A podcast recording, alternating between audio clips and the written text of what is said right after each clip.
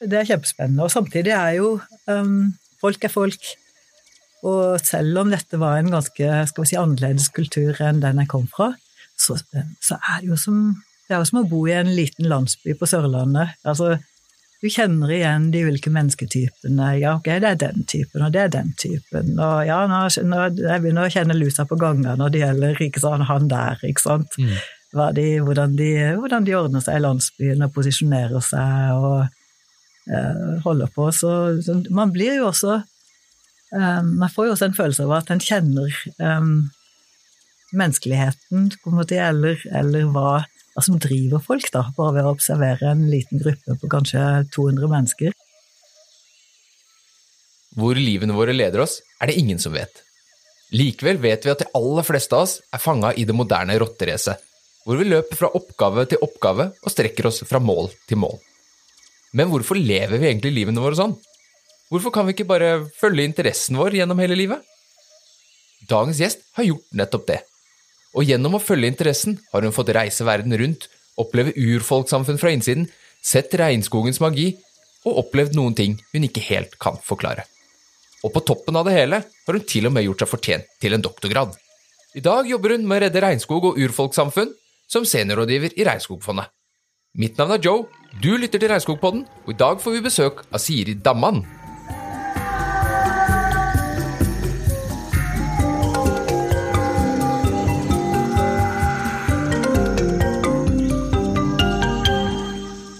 Ja, velkommen inn i studio, Siri Damman. Ja, takk skal du ha. Da var vi eh, på plass her. Ehm, du jobber jo her i Regnskogfondet? Ja, jeg har jobbet i Regnskogfondet nå i 12-13 år. Og hva, hva, er det du eh, gjør her? Ja, eh, nå er jeg akkurat i ferd med å ta over ehm, Vi har akkurat skiftet skal vi si, jobber internt. Og nå skal jeg begynne å jobbe med Colombia ved siden av Peru, som ja. jeg allerede har begynt å jobbe med. Og i tillegg til det så jobber jeg med Myanmar. Ja, som, Så du, du, er spredt litt utover hele verden, du da? Ja, så nå blir jeg litt, eh, skal vi si, som en potet. Jeg brukes uh, mange steder, ja. Ja, det høres jo, høres jo, spennende ut da, at du får lov til å være med på litt, litt forskjellig. Men uh, altså, du sier du har jobba her nå i 12-13 år. Hvordan endte du opp her? Altså, hvem er du, Siri? Hvordan er det du endte opp med å jobbe med å bevare regnskog og, og, og menneskene som bor der? Jeg har vel alltid, um, hva skal vi si, vært interessert i å komme meg ut og se nye steder. Jeg har uh, alltid vært glad i å reise.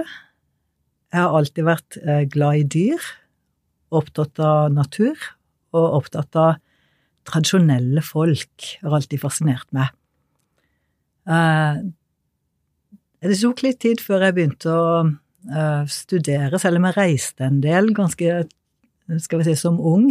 Jeg tok enveisbillett til Mexico og reiste rundt nesten et år før jeg kom tilbake igjen. og eh, dro på interrail og tok hyre på en båt som gikk mellom England og Venezuela for å se verden, rett og slett. Um, og kom tilbake igjen og jobbet som pizzakokk og servitør i noen år, og da følte jeg meg moden til å begynne å studere. Ja, da hadde du sett verden litt og Ja, da følte jeg jeg hadde fått reist litt fra meg. Og jeg kjente at eh, jeg tror jeg trenger å eh, lære litt mer for å komme, komme, videre på de tingene jeg kanskje har lyst til å gjøre i livet. Mm. Og det jeg ønsket å gjøre, var nok å få meg en jobb hvor jeg kunne jobbe i det, det, vi kalte den tredje verden på den tiden. Mm. Uh, og jeg søkte litt rundt og fant ut at på Ernæringsinstituttet hadde de noe som het jeg tror det var tredje verden-ernæring hvor man lærte om eh, sult, om matsikkerhet og om biologi, fysiologi, um, og lærte egentlig Noen kunne bli, Du kunne bli ernæringsfysiolog, eller du kan begynne å jobbe internasjonalt. Mm. Så jeg begynte der, og jobbet med fag der et par år, og så fant jeg ut at vet du hva, for at dette skal funke for meg, så trenger jeg antropologi i tillegg. Jeg skulle akkurat til å si det, Ernæringsfysiolog er jo kanskje ikke det man eh, kobler direkte liksom, regnskogsbevaring? Eh. Ja, nei, men eh, det var jo egentlig et todelt studium. Mm. Altså man kunne jobbe også internasjonalt. Mm. Og da ble et, den siste delen av undervisningen eller studiene ble da annerledes og mer fokusert på uh, internasjonal politikk og uh, FN-systemet og den slags, da. Veldig mange som har gått gjennom den kverna der, har endt opp i FN-systemet. Ja. Mm, eller i Norad. Mm. Mm. Så det var den veien eh, jeg så meg selv, da. Men, og antropologien uh, syns jeg var veldig spennende, fordi jeg tenkte at skal man jobbe med folk i en, et fremmed land, så trenger en å skjønne litt mer om kultur for å, for å, få den riktige respekten, for å skjønne det med matkultur, for å skjønne hvordan folk forholder seg til sult, for eksempel. Altså hva eh, Både det med ydmykelse, ikke sant, og um, hvordan man forholder seg til egen produksjon, til uh, matkultur, alt dette. Mm. Og også tradisjonell medisin som folk jo brukte, ikke sant, ved sykdom når barna var syke, for å hjelpe dem når de hadde diaré og sånt. Så vi fant ut at uh, antropologi var et veldig spennende studie. Og pluss at når en tar antropologi, så kan en ta antropologisk feltarbeid.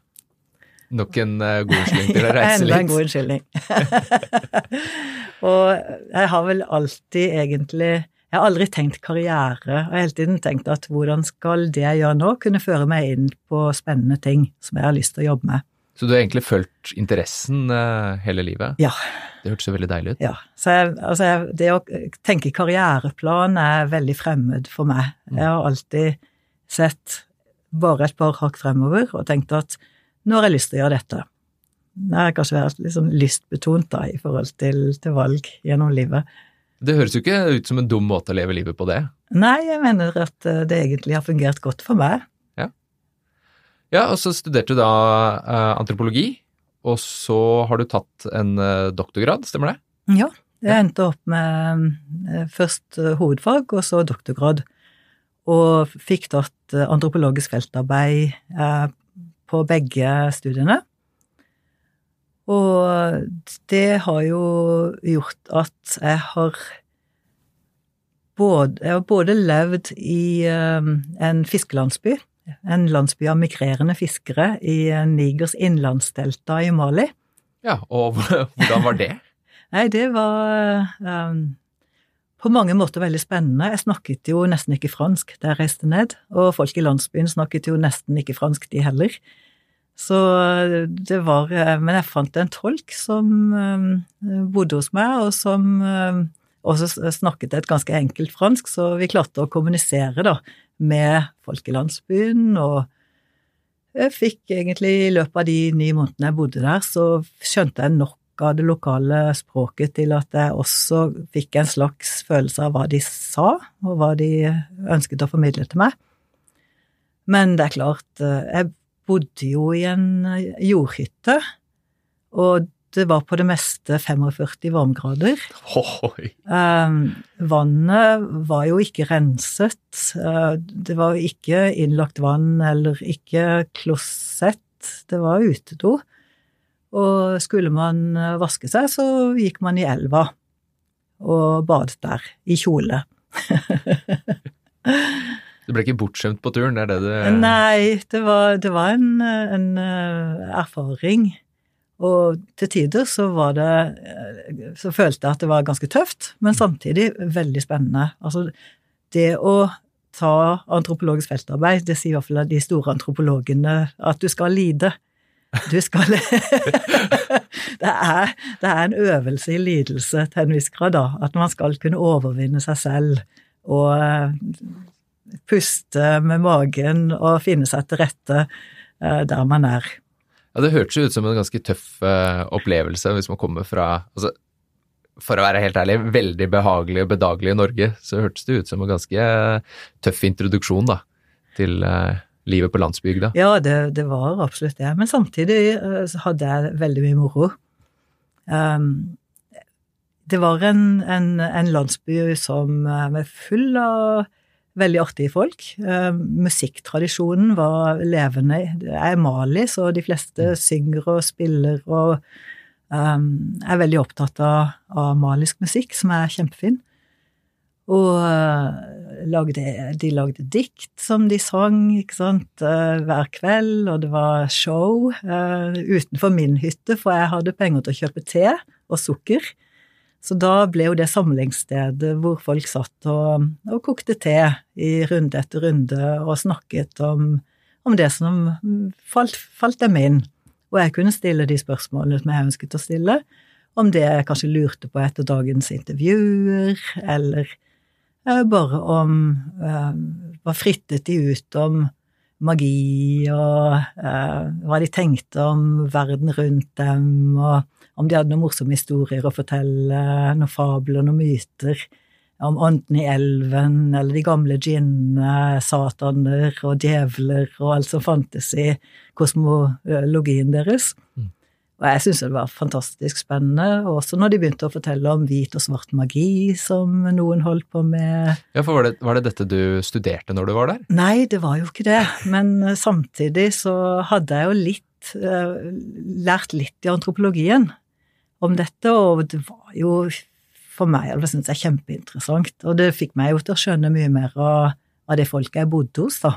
Mm. Hva som betydde noe for de, og hva slags, eh, hva slags skal vi si, åndeverden de, de forholdt seg til, da. Og de ofret jo ved fullmåne og uh, holdt på, det var jo et muslimsk uh, samfunn samtidig som de ofret alkohol og sigarer til gudene, til de gamle gudene. Ja, så det var, det var litt på begge sider med den tradisjonelle eh, landsbyreligionen og da, som du sier, da, med islam. Eh. Ja, så de, de, de, levde med begge deler. Mm. Som en litt sånn synkretisme. De, de, så ikke at det var en eh, noe, noe som, skal vi si, ikke stemte med at de var gode muslimer, samtidig som de forholdt seg til de gamle djevlene og gudene og ånden i elva og eh, ja, gjorde sine ofringer. Ja, og hvordan, hvordan, gjorde dette her uh, inntrykk på en ung uh, student som var der i utgangspunktet for å studere noe helt annet, da? Ja. Nei, dette Jeg skrev jo bok på bok, altså kladdebok på kladdebok full av notater og syntes det var kjempespennende. Og selvfølgelig, da jeg da kom hjem igjen og skulle sortere alt jeg hadde av notater, så skjønte jeg jo at det var jo veldig eh, magert, det som skulle inn i min, mitt, min hovedfagsoppgave i forhold til alt det spennende jeg hadde lært. Mm. Så eh, det er jo som de sier, eh, disse veilederne, at you have to kill your babies. ja, det ble jo kanskje vanskelig å plukke ut da, når du skal Det har så mye spennende materiale, og det er jo det å få lov til å få muligheten og privilegiet til å reise og oppleve et samfunn sånn som du har fått lov til, helt fra innsiden. Det må jo være veldig interessant. Jeg syns jo sjøl at det er veldig spennende bare å få én og én person inn i podkaststudio, mm -hmm. men det å da kunne få lov til å ta del i dagliglivet og som du sier da, tradisjonene og mytene og religionen og eh, hvordan de lever livet fullt og helt. Det må jo være, må jo være fantastisk. Ja, det, det, er kjempespennende. Og samtidig er jo um, folk er folk. Og selv om dette var en ganske skal vi si, annerledes kultur enn den jeg kom fra, så, så er det jo som det er jo som å bo i en liten landsby på Sørlandet. Altså, du kjenner igjen de ulike mennesketypene. Ja, ok, det er den typen, og det er den typen. Og ja, nå, nå, jeg begynner å kjenne lusa på gangene når det gjelder ikke sant, han der, ikke sant. Mm de, hvordan, de, hvordan, de, ordner seg i landsbyen og posisjonerer seg og eh, holder på. Så, så, man blir jo også um, jeg får jo også en følelse av at en kjenner um, menneskeligheten, eller, eller hva, hva, som driver folk, da, bare ved å observere en liten gruppe på kanskje 200 mennesker. Ja, så du klarte å trekke noen paralleller mellom altså det samfunnet som da ligger på nesten på andre siden av planeten til Ja, jeg syns det. Altså, folk er ikke så forskjellige Nei. når det kommer til stykket. Men hvordan var det, det neste feltarbeidet ditt eh, da? Du nevnte at du hadde vært på to sånne feltarbeid. Hvor var det du eh... Ja, um, da jeg var ferdig med, med denne, dette hovedfaget mitt, da, så begynte jeg tilbake til universitetet og begynte å jobbe med noen som jobbet med urfolks rettigheter. Og, og en annen som begynte å jobbe med retten til mat. Eh, Wenche Barth Eide og Asbjørn Eide. Og eh, de hadde også et nettverk av kontakter eh, på andre, eller på, på, på ulike forskningssentre rundt på, på, kloden. Og jeg fikk kontakt med en dame som het Harriet Keenline på McGill-universitetet og hun uh, satte meg også i kontakt med en forsker på universitetet i Argentina. Så da jeg da så på ok, nå har jeg én kontakt i Canada og én kontakt i Argentina. Begge steder er det urfolk. Begge steder eh, er det en ernæringssituasjon for disse urfolka som ikke er den beste. Mm. Uh, hvordan kan man se på deres situasjon i forhold til den politikken som staten fører overfor dem. Er de i stand til å brødfø seg selv i verdighet, eh, basert i sin egen kultur, eller um, er de Får de i det hele tatt noen hva skal vi si, støtte fra staten til å kontrollere sine områder? Uh, i, I Argentina så gjaldt det å kunne ha lamaer, for eksempel. Mm. Um, for dette var høyt oppe i høyfjellet i, i Nord-Argentina. Uh, nå, ble de sett på som skal vi si, bare vanlige fattige, eller ble de sett på som en gruppe som hadde skal vi si, en spesiell kultur og spesielle behov? Uh, det viser at i Argentina så, så, var de rett og slett bare de fattigste av de fattige. Og hadde store problemer fordi de ble diskriminert. Og det gjorde at det var underernæring og til og med barn som døde av sult i noen områder. Og det var en, virkelig en humanitær krise. Mens i, i Nunavut i Nord-Canada så hadde inuittene vært i dialog med canadiske myndigheter i 30 år og utvikla en eh, Nunavut Land Crame Agreement som ga dem stor grad av selvstyre. Og det var veldig spennende å, å studere og gjøre intervjuer om. Hvordan, hva gjorde de da, når de plutselig hadde fått stor grad av selvstyre? Ja, det var akkurat det jeg lurte på nå. altså Hvordan var det da i forhold til i Argentina, hvor det var mye mer eh, kontroll ovenfra da, versus dette selvstyret? Er det Nei, det var, det var en, en, uh, en, veldig stor mulighet for inuittene Eh, de hadde Dette området som het Nunavut, var blitt skilt ut fra Northwest Territories eh, for å danne Nunavut som selvstyreområde. Samtidig så ønsket jo den canadiske regjeringen å beholde Nunavut som et territory innen landet, sånn at, at canadiske myndighetene Uh, sine lover gjaldt der, men at de fikk mulighet til å likevel gjøre ting litt eh, with an inuit flavor, som de kalte det. Mm. Så da fikk eh, inuittene en um, mulighet, en sånn positiv diskriminering, kan du si, i skolen, og ble tatt inn fra de små Det var 22 små samfunn langs kysten, og ungdommene ble tatt inn til Arctic College og skulle utdannes til å jobbe i regjeringen, da, i Nunavut. Og eh, de Noen klarte seg veldig bra, og, og andre følte For andre ble det veldig vanskelig. Ja. Fordi at det var en helt annen virkelighet som møtte de, og veldig mange forhåpninger til dem. Og at de skulle løfte området opp, og de skulle bringe Nunavut ut av stillstanden og, og bidra til et helsedepartement, skoledepartement, um, alle departementer som, da, eh, som ville da eh, sørge for at eh, inuittene endelig kunne gjøre ting på sin måte. Så litt sånn ansvarsoverføring til den unge generasjonen, da, de følte på, kanskje? Ja. ja. Og det, det ble Det ble litt det ble litt vanskelig både for de som var gamle, og som var jakt- og fangstfolk, og for de unge som plutselig fikk alt det ansvaret på sine skuldre. Mm. Så det var en ekstremt flott mulighet som de hadde fått. Og eh, de, de urfolkslederne, inuittlederne, som hadde fremforhandlet det, er jo bare helt fantastisk flinke folk. Uh, og dette har nok, på sikt så har nok uh, dette selvstyret denne selvstyremuligheten og selvstyreformen har nok ført til veldig mye godt gjennom tiden. Men da jeg var der, så var de akkurat i ferd med å finne ut av det. Og det var veldig mye frustrasjon, både hos de canadierne som kom sørfra, og som skulle hjelpe inuittene til å få på plass fungerende departementer, og hos inuittene som ikke skjønte den kanadiske måten å tenke på, og irriterte seg over at, um, at de ikke kunne lære ting uh, by doing, Mm. men ble nødt til å lese lange dokumenter og gjøre ting på den måten. Men jeg intervjuet spesielt en ung gutt som var blitt ansvarlig for eh, naturressursforvaltning. En veldig flink eh, fyr. Og jeg spurte han din, jeg sa, din, din bestefar må jo være veldig stolt av deg nå, når du har fått denne flotte stillingen på et felt som naturressursforvaltning. Så så han på meg, og så begynte han bare å grine. Oi. Og, og jeg ble litt forfjamset, da, men, men han, han fortsatte sa nei da, det, det er greit.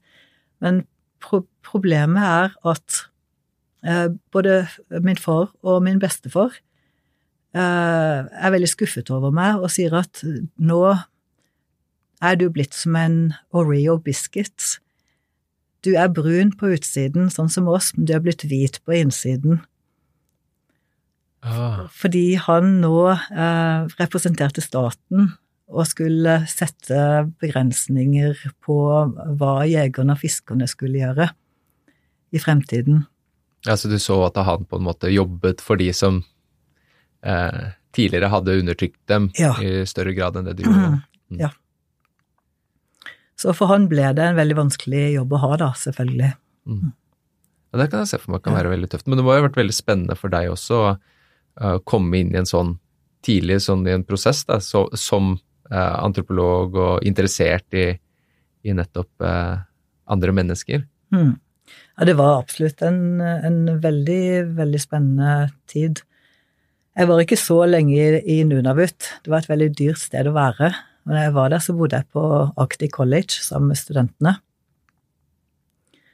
Eh, Og jeg så om eh, Du fikk et inntrykk om kveldene hvor, hvor eh, hvordan det var å være student som var så langt borte hjemmefra. For køene foran den ene telefonautomaten var kjempelange hele kvelden, og de, de sto der for å ringe hjem til foreldrene sine og snakke med dem, og liksom for å få den kontakten med, med hjemstedet. Samtidig som, eh, som de eh, Jeg så også når det gjaldt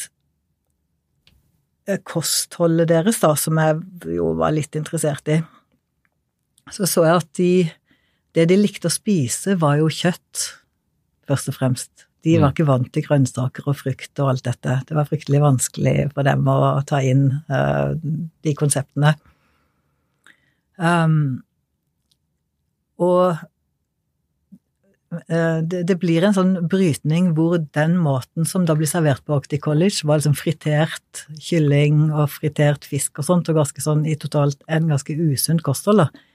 Mens eh, de gamle inuittene, eller det tradisjonelle kostholdet, var rått kjøtt eh, og hvalhud og selkjøtt, alt sammen rått, og spist liksom frossent, eller sånn fra frossent og så kuttet opp og eh, spist direkte. Ja, det, det, er en det- overgang. Ja, og det er jo et sunt kosthold. Mm. Det er et veldig sunt kosthold i forhold til det kostholdet som de, som de tok til seg da når de begynte å spise på restauranter og kjøpe mat på supermarkedet, som etter hvert ble um, stedet de fikk seg mat. Jeg så du noen Rakk du å se noen effekter da av, av den overgangen av det kostholdet, eller var, det, var du der for kort tid? Nei, det gjorde jeg ikke. Men ja, noe jeg så, var um, at disse, disse myndighetspersonene som kom sørfra og som bodde der, de syntes det var ille med Det er jo en del fattigdom mm. også i inuittsamfunnet. Så de forsøkte å lage suppekjøkken for at barna skulle komme dit og få varm suppe og uh, den maten som suppekjøkken pleide å ha. Og uh, jeg intervjuet en av, en av de damene, og hun, var, veld, hun viste en veldig frustrasjon da over at her står de og lager deilig kyllingsuppe og smører deilig sandwich til eh, disse barna. Og når barna kommer, så bare smaker de på det, og så, og så, sier de at 'nei, jeg liker det ikke, jeg vil ikke ha'. Og selvfølgelig, fordi de er jo ikke vant til å spise det. Det er ikke den måten som, som de kjenner, da. Men det var også sånn kulturmøte, ikke sant. Den snillheten, godheten fra de sørfra, og altså utakknemligheten eh, som, som, de oppfattet da, fra inuittbarna som ikke ville ha det, ikke ville ta imot. Mm. Ja, så da har du altså levd og jobba med eh, Frem til nå i denne historien, så har du altså minst tre forskjellige urbefolkningsgrupper, da. Um, og i stad så sa du at eh, var, du kunne lett trekke disse parallellene mellom eh, fiskelandsbyen i, i, Mali og en eh, hvilken som helst liten landsby eller eh, liten by bygd i, på Sørlandet her i Norge. Så du også de samme parallellene i de andre eh, urfolkssamfunnene? Ja, jeg vil jo si det. Mm. Um, jeg tror nok at hvis man um, Iallfall hvis man forsøker, da, og det er jo sikkert det jeg gjør, da, at jeg, jeg kanskje danner meg et bilde av um, menneskene rundt meg og tenker at ja, ja, nei, jeg tror jeg har plassert han eller henne. Um, og da føles det tryggere. Og man tror man har funnet tonen, man tror man har Det er sånn det kommer til å fungere mellom oss, ikke sant. Så jeg tror, iallfall min erfaring er det at man finner man finner de samme mennesketypene, man finner også sine folk mm. på alle steder av kloden. Ja, det føles kanskje uh, tryggere, som du sier, da, hvis det er noe som er gjenkjennbart. Det er jo det der med, med fremmedfrykt som kan oppstå hvis man ikke kjenner igjen noen ting og alt er ukjent, så da er det kanskje man ser etter mønsteret, da. Ja, det tror jeg. Mm.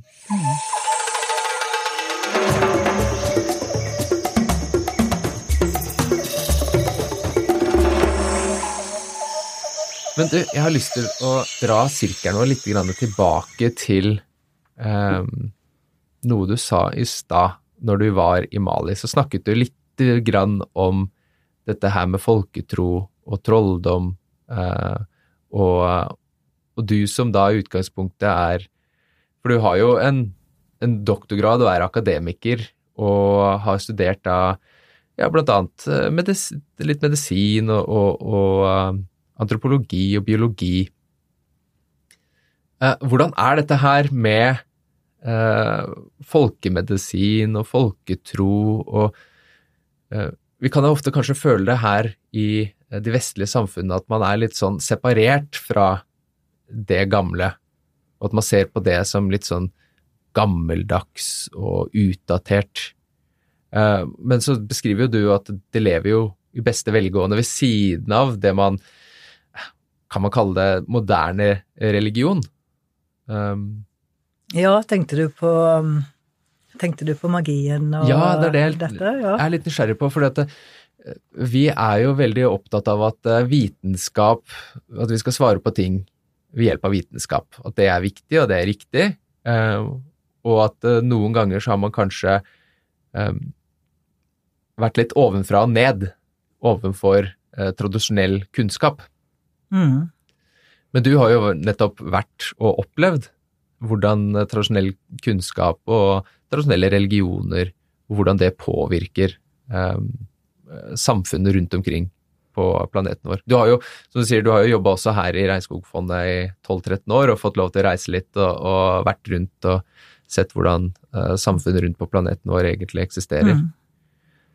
Ja, min erfaring er at uh, folk folk skal vi si, over alle, på hele kloden og i alle samfunn, så finner du de som er uh, De som observerer, de som gjør seg uh, sine erfaringer, de som tester, er på en måte de lokale vitenskapsfolka, da.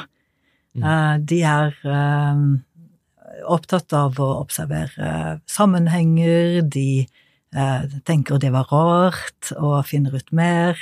Eh, de lager sine årsaksforklaringer til hvorfor det er sånn som det er. Mm. Og de driver um, det som ja, noen vi jobber med i Mali, nei, nei det var i Myanmar, kaller uh, local knowledge-based research.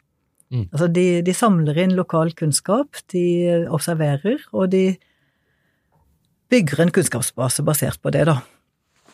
Og når man når man da altså Noen ganger så er det jo altså resultatet, det man, det man, det man ser, og det man beskriver, er jo noe jeg også kan se og beskrive, ikke sant? Men det hender at måten en beskriver hvorfor det skjer, og sammenhengen med um, hvordan, hvordan, det ble sånn, og uh, hvem er det, er det, er det er det noe magisk som gjør at dette skjer, eller er det eh, en annen sammenheng som gjør at det skjer? Og, og der eh, har jeg jo også hatt eh, eh samtaler og, og, mine egne tanker om, um, om hvordan ting henger sammen, og hvordan, hvordan vi ut fra vår respektive kultur, da, ender opp med, og, med forskjellig årsaksforklaring. Uh, og det som andre kanskje kan se på som magi, er kanskje, kan, vil kanskje jeg forsøke å forklare ut fra psykologi eller uh, på andre måter, da. Sånn rent sånn definisjonsmessig, går det egentlig an å, å definere dette her som er, har med magi og uh, svart magi og hvit magi og um, Å skille det direkte fra uh, vitenskap? Er det Har du noen tanker rundt det? Eller er det sånn at uh, Jeg har jo hørt en definisjon tidligere at uh, riktignok sagt av en akademiker at magi er vitenskap vi ennå ikke forstår. Mm. Eller tenker du at det blir for enkelt å, å si det på den måten? Jeg tror det, det, kan, det kan absolutt være noe i det. Uh, Magi kan jo også være illusjonisme. Altså, magi kan I noen tilfeller er det show, eh, sånn som eh, hva skal vi si, magikere holder på med, for å underholde. Eh, andre ganger kan det vi oppfatter som magi, være, ha en god forklaring, da, og faktisk fungere, men vi skjønner ikke sammenhengene enda. Og sånn som god god vitenskap kan også fremstå som magi. Mm. Fordi vi klarer ikke å skjønne hvordan, eh, hvordan, noe skjer, eller hvorfor noe skjer, men vi ser at det skjer. Men tenker du at denne tradisjonelle kunnskapen, uh, magien, uh, tenker du at den er viktig i, i dagens samfunn? Så i det moderne samfunnet anno 2022? Jeg tror nok at de fleste mennesker, og iallfall jeg, syns at det er spennende at det er noe man ikke forstår. Mm. At ikke alt fremstår som um, forklarlig. Det hadde vært en forferdelig kjedelig verden hvis det ikke fantes mysterier igjen, tenker jeg. Ja, jeg tror, jeg tror kanskje at um, at det er nettopp det som gjør at man blir um, nysgjerrig og fascinert av noe at det fremstår som litt magisk. Mm. For eksempel eh, en, en eh, vitenskapsmann som jeg har veldig sans for, som heter Antonio Nobre. Han uh, har gjort et en, Hele sitt liv, tror jeg, han har han jobbet med å forstå Amazonas og hvordan Amazonas uh, genererer uh, regn, eller du kaller det Rivers in the Sky, som, eh, som eh, påvirker regnmønstre andre steder på kloden. Og han klarer å forklare dette på en måte som fremstår litt sånn magisk for de som lytter. Og da får han også større entusiasme for prosjektet sitt. Altså, men det er Altså, han vet jo at hans vitenskap er korrekt, og den virker. Mm, men det at han klarer å fremstille det på en måte som virker magisk, eh, gir eh, På en måte som kanskje ikke fremstår som så veldig vitenskapelig, eh, gjør at folk blir mer begeistret, kan det virke som. Det er jo uh, noe med dette her at uh, hva, er som, hva er det som selger? Det er jo dette med mysterier. Altså, vi ser jo hvor populært det er med, med TV-serier og mystiske ting og, og sånne type mm. ting også. Så jeg tror det er uh, Jeg tror det er viktig å snakke til den delen av mennesker. At vi ikke bare kan forklare alt ved hjelp av tall og grafer og lange tekster, men at noen ganger så må vi snakke til følelsene.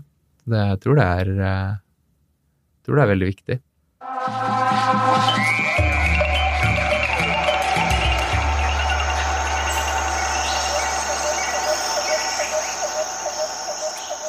Men uh, du som har vært ute og reist litt, uh, Siri. Um, har du noen gang opplevd noe, sett noe eller hørt noe som du ikke føler at Om, om ikke magisk, kanskje litt mystisk, som du, som du kan dele med, med, oss, eller er det mm. Eller har det vært sånn at du har sett alt med akademiske øyne, at det er stort sett klart å analysere Nei, absolutt ikke. Nei. Det er jo en, en erfaring som um, siden jeg opplevde det, så har jeg, så har jeg grublet og lurt på hva i all verden skjedde der. Ja. Og det var i Mali, eh, i denne landsbyen som jeg bodde i. Der uh, kom det en doggon, uh, og doggon er et, uh, en egen folkegruppe. Og de har veldig mange trollmenn. Ja. og, de, og den, denne, denne, mannen var en doggon-trollmann. Han uh, reiste fra landsby til landsby og hadde en um, Det virket i utgangspunktet som et show, men hvor han også drev ut onde ånder av folk. Og uh, snakket med dem som hadde behov for uh, en spesiell samtale med, med trollmannen, da, ja. om noe. Og han gjorde jo sine ritualer for å hjelpe folk som hadde, hadde problemer av forskjellig slag. Sikkert både Sikkert iallfall magi. Mm. uh, og jeg ble jo hentet, for dette var stort, dette var en spesiell anledning og skjedde ikke så ofte. Og da hadde jeg to franske legestudenter på besøk i landsbyen helt tilfeldig som selvfølgelig også hadde lyst til å få med seg dette.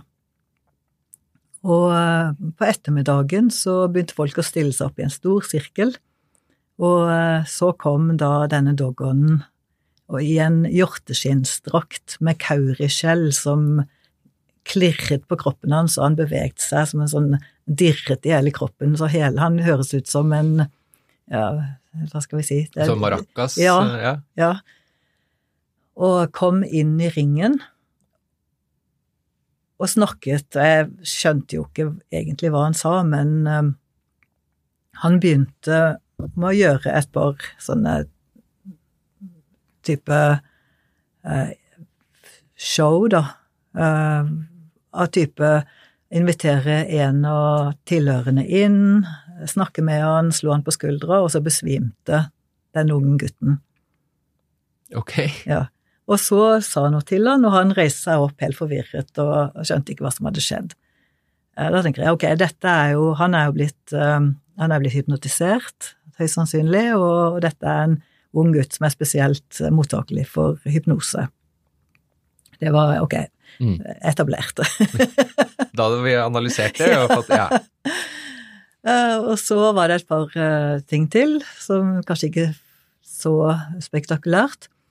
Men så uh, gikk, så, så ropte han noe ut, og jeg fikk oversatt med at ok, hvis det er noen her som Uh, Hvis det er noen ånder her, noen, noen ikke onde, men det er noen ånder her som vil snakke med meg, så kom. Og da ble det eh, litt sånn ulik Det skjedde noe i en utenfor sirkelen, og så åpnet sirkelen seg, og en dame kom trillende inn, som en trestokk omtrent, trillet inn i ringen, og hun landet ved å stange inn i hans bein, Ja. mens hun talte i tunger, ut fra hva jeg kunne skjønne, og med en helt annen stemme enn den stemmen som var hennes. Og han, eh, trollmannen, han eh, Det var jo det han hadde forventet, tydeligvis, ikke overrasket i det hele tatt, og snakket til ånden som snakket ut fra denne kvinnen. Og det var en samtale som pågikk en stund, og så Så sa han noe strengt til eh, damen, eller ånden, og som da svarte et eller annet og så eh, reiste hun seg litt forvirret opp, og liksom, han la hendene på skuldrene hennes og sa eh, ja, det er greit. Og hun da gikk ut av ringen og satte seg ned et sted. Og så kommer det en annen dame på akkurat samme måte trillende inn i ringen, og ble også, skal vi si, snakket til på samme måte, hun også med en stemme som ikke var hennes, mye grovere, mye antagelig et annet språk, det, så vidt eh, de andre sa. Hun snakker ikke, hun snakker ikke bosospråk, hun snakker et annet språk. Okay. Og eh, han helbredet jo, eller fikk den ånden også til å forlate den kvinnen nummer to, da. Og, eh, og jeg tenkte jo dette var jo veldig spesielt.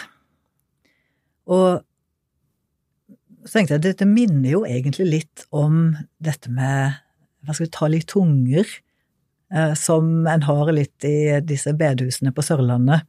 Så dette hadde jeg jo måtte, observert. At folk begynner å snakke et språk de egentlig ikke kan. Litt den para parallellen igjen, da. til- Ja. ja. At her er det et eller annet som Jeg skjønner ikke hva som skjer. Og hun Jeg snakket med en av kvinnene som jeg kjente ganske godt, og hun skjønte jo heller ikke egentlig hva som skjedde, sa hun. Mm. Hun visste ikke hva hun hadde sagt, sa hun.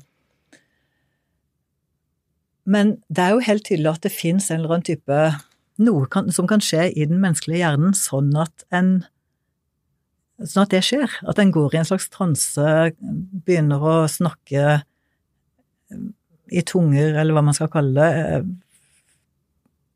Mm. Enten man kanskje forstår det eller ikke forstår det. Hva det noe som styrer det, det vet vi ikke. Mm. Men at denne troll... Jeg syns også det var veldig interessant at denne trollmannen, han forventet jo, og folk i landsbyen visste også hvordan de skulle agere når de skulle gjøre dette, i og med at det var to damer som gjorde det på akkurat samme måten. Så leverte litt til forventningene. De leverte til ja. forventningene. Og det, for meg så ble det også veldig wow, ikke sant. Ja. Se, De vet hvis, hvis de er gale, liksom, hvis det var det For andre sa jo de er gale. Ja. Uh, men hvis det er sånn at de er gale, så er de gale på en veldig kontrollert måte, veldig innstudert måte. De Mm. vet akkurat hvordan de skal gjøre det, og så blir de um, helbredet igjen, da. Ja. Så den også, men den, den også, den uh, syns jeg det var en helt uh, fantastisk opplevelse å være med på. Men jeg så at ok, det er noe kjent her, det er noe jeg tror jeg kjenner igjen, selv om jeg skjønner jo ingenting av det å tale i tunger. Men så kom det den siste biten av showet, da, som eh, jeg tenker at eh, er veldig, veldig spesielt. Ja, for det var mer, ja.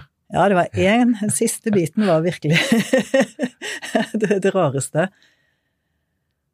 For da fikk eh, Da spurte trollmannen om å få en sånn en stor trestokk som kvinnene i landsbyen bruker for å skal vi si, stampe ris, for å få kliet si, eh, Hva skal jeg hete for noe av Mm. risen. Og den er, ja, den er kanskje tre meter lang, og den ble lagt foran beina hans. Og så kalte han opp først tre menn fra landsbyen, og så en av franskmennene som var på besøk hos meg. Ja. Som da som Ja, ja, selvfølgelig, jeg kan komme opp, og selvfølgelig. eh, Og alle fire ble da bedt om å holde med to hender langs den stokken, altså holde, stå på rekke og rad og holde rundt stokken. Og så løftet trollmannen da hendene på en bydende måte, og gjorde en sirkelbevegelse til høyre. Og da han gjorde det, så reagerte, i mine øyne, så reagerte stokken ved å løfte seg og begynne å fly i den retningen som trollmannen eh, pekte. Og det rare var at alle fire mennene så ut til å henge etter stokken i lufta. Jeg kunne ikke se at noen av de hadde mulighet til å, å kontrollere stokken ved hjelp av tærne sine, eller på en måte i, i, i den forta som stokken gikk rundt også. Ja. Så for meg så, så var det Altså, det var, det var virkelig helt spektakulært. Helt utrolig. Og han andre franskmannen som, eh, som sto ved siden av meg, han, han ble bare stående og helt, han var helt blek. Og hans eh, kompis, da, som, som var det som hang sist på stokken, han var minst av de alle sammen. Han ble virkelig hengende i lufta. Og han var så hvit i fjeset at eh, jeg trodde han skulle besvime. Og, og em, alle liksom å, huet og hoiet som dette var det beste showet de hadde sett på lang tid. ikke sant? Det var en veldig sånn entusiasme i, i folkemengden, og de virket ikke som de syntes dette var så spesielt, egentlig, for det var jo, de er vant til magi, da. Ja, ikke sant?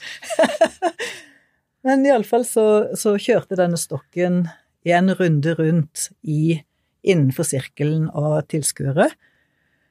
Og når den kom bort til trollmannen, så senket han armene, og stokken landet da foran han. Og, og alle de fire, da, de, de Det var som showet var over, og de forlot ringen. Men han, eh, han ene franskmannen, han, han var helt skjelven. Han sa dette dette er Altså, jeg skjønner ikke hvordan dette var mulig, og dette, dette, eh, dette var så skremmende. Han, han eh, Jeg tror han trengte, han trengte virkelig å sitte og tenke seg om litt. Og han andre, jeg tror han forsøkte å ta bilder. Men jeg tror ikke han fikk det til, for jeg tror han blir rett og slett så satt ut at han ikke klarte å, å, å treffe, på en måte, Nei. motivet sitt. Um, og jeg har tenkt på det så mange ganger siden, at er det, hvordan er det mulig at en, en trestokk som um, er i luften med fire mennesker hengende på, eller om det bare er én som kontrollerer den stokken, da. Mm. Hvordan skal det ene mennesket klare å dra de tre andre menneskene med seg, tyngden av de tre andre menneskene, i en perfekt sirkel, med de fleste hengende, så å si, fra stokken og ned? Mm. Ja, nei, det var litt sånn Jeg kunne kanskje eh, vært en enklere forklaring hvis det bare var de lokale, sånn som du sa i stad, dette med dette her med å levere til forventningen Mm. til trollmannen og til showet og til de andre eh, i landsbyen som forventer at dette skal skje. Mm. Men når du da sier da, du har denne eh, franskmannen som kommer helt fra, helt fra utsiden, Ja. og da tydelig for en opplevelse som eh, for livet. Ja. Og det er klart at trollmannen gjorde jo et valg. Han valgte å få med en av franskmennene Mm. fordi at det ga litt ekstra show-effekt, antagelig. Antakelig. Nå skal han få kjenne på show, nå tenkte han. Men som, som um, Altså, det skjedde jo. Altså, jeg, jeg kan garantere at det skjedde. Og jeg skulle bare ønske at jeg hadde bilde fra at det faktisk skjedde. Uh, men Så der har du en, en um, et eksempel på noe som for meg tøyer litt grensene for hva min rasjonelle hjerne klarer å ta inn. Mm. Og hvor jeg, hvor jeg nesten har tillatt meg selv å tenke at vet du hva, her tror jeg det skjedde noe magisk. Her tror jeg det er noe evner i spill som ikke jeg eh, har begrep om, eller som på en måte krysser over til en annen side som ikke er eh, Hva skal vi si Det, det har ikke noe med vanlige Hva skal vi si Darwins lover og naturlover å gjøre i det hele tatt. Men tenker du ikke at det kanskje kan være litt fint også, at det, etter alt du har sett og opplevd med dine reiser rundt i, i verden, at det fremdeles da er ting som kan overraske deg, og ha, at du fremdeles har mystikk i livet ditt, så får det heller være opp til noen andre å, å forklare hvordan mm. dette her skjer? Jo, jeg syns jo, det er veldig gøy. Mm. Det må jeg bare si. Altså, når en Når en um, er litt interessert i, i uh, sammenhenger, da. Mm. Og forsøker å finne ut hvorfor ting skjer, og er nysgjerrig, sånn som jeg er, så er det klart at det er, det er en nøtt. Det er en nøtt som en har lyst til å knekke, men samtidig er det en, en slags eh, wow, en slags respekt for Det er kanskje ikke alt vi forstår. Det er kanskje ikke alt vi har skjønt ennå. Kanskje det fins noen som har eh, kunnskap eller evner som, som rett og slett Som sikkert har sin forklaring, men at forklaringen er så vanskelig å forstå, da. Mm. Ja, det er jo Naturen er jo diger, og uh, det finnes eh, mennesker og tror og, og, ting vi ikke kan forklare, ting vi ikke har sett. Eh, og det er jeg veldig glad for at det, det, også eksisterer nå i det vi ser for oss som det, som det moderne samfunnet. vi fremdeles har ting vi trenger å å kikke nærmere på. Eller kanskje ikke trenger å kikke nærmere på. Det kanskje Noen ganger så kan det bare være litt deilig at det er ting som er mystisk. Mm. Ja, det syns du også, tydeligvis. Ja, jeg syns det. Jeg er jo, jeg er jo uh, ser jo på meg selv som akademiker selv, men eh, jeg tenker at noen ganger så er det litt deilig med mysterier. Eh, alt trenger ikke å forklares alltid, tenker jeg. Nei. Det er i hvert fall ikke opp til meg. Nei. Og så er det jo, det er jo fint å ha noe å gruble på, da. Altså uløste gåter. Og ikke minst så har jo du en veldig, veldig god historie. Ja. Det er jo Ja, som jeg sjelden deler, men uh, nå fikk du den. da føler vi oss veldig privilegert. Det var i hvert fall veldig, veldig spennende. Men du, nå begynner vi faktisk å nærme oss uh, slutten på podkasten. Men det er én ting som jeg stiller uh, alle som kommer inn i Eh, i studio her, et spørsmål som vi stiller til alle. Og det er eh, hva synes du er det aller beste med regnskogen? Mm. Jeg tror at Jeg har vært en del ganger i regnskogen, og, og jeg har nok Jeg har en veldig stor kjærlighet for regnskogen, det kjenner jeg. Jeg sover utrolig godt når jeg er i regnskogen. Jeg liker luktene, jeg liker fuktigheten, jeg liker lydene. Jeg føler meg um, jeg føler meg full av liv når jeg er i, i, regnskogen, og du ser etter fugl, du ser etter dyr. Um, det, er en, det, er en, atmosfære i regnskogen som, som um, fascinerer meg, og som jeg er veldig glad i. Og i tillegg til det så er jeg jo veldig glad i trær. Og jo mer jeg lærer om trær, jo mer føler jeg at det er virkelig en av de store eh, skal vi si, vi kaller det magi, da. At trærne står for en del av det som, som er litt uforståelig fremdeles for menneskeheten, tror jeg. Mm. Bare det at det, det, det tok så lang tid før vi skjønte regnskogens rolle i å lage regn.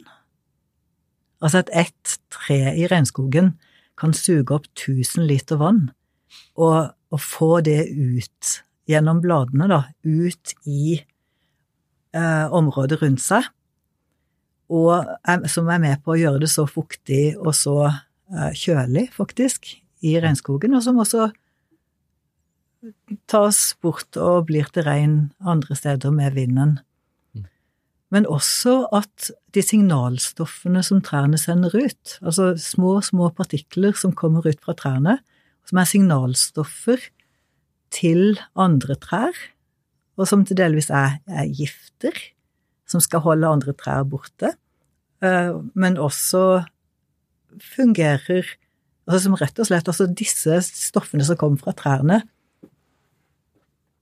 er jo har jo en sammenheng med at trær veldig ofte brukes som medisin.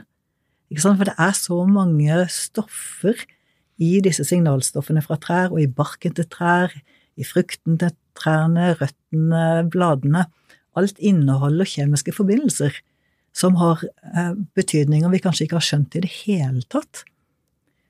Og en annen ting er at disse små partiklene fra trærne de fungerer jo som steder hvor regndråpene samler seg, sånn at regnet faller på grunn av disse partiklene.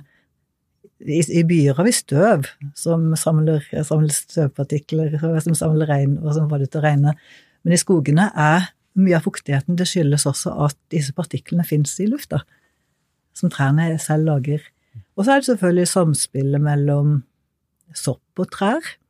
Altså hvordan sopp i bakken lever i symbiose eller med, med noen trær, og fungerer som sånne signalstoffer mellom trærne under bakken.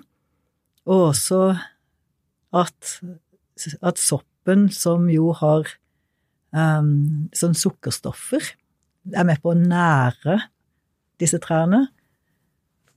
Uh, og sende næring fra tre til tre. Altså, jeg vet ikke om du har lest den boken, jeg husker ikke hva den heter, 'Trærnes hemmelige liv', ikke sant? Den har jeg lest. Mm, veldig spennende bok. Og en får jo en helt sånn wow-følelse at tenk alt vi ikke har skjønt. Mm. Tenk så fantastiske disse, disse, trærne er. Og vi må jo bare ta vare på dem. Altså, de tar jo vare på oss. De er jo fullstendig livsnødvendige for kloden vår. Mm. Du, Siri. Tusen, tusen takk for at du uh, tok deg tid til å komme hit til uh, Regnskogpodden. Det har vært kjempehyggelig å ha deg her. Ja, tusen takk for at jeg fikk lov å komme. Jo, det har vært veldig spennende, så her, uh, her er du velkommen tilbake. ja, takk skal du ha.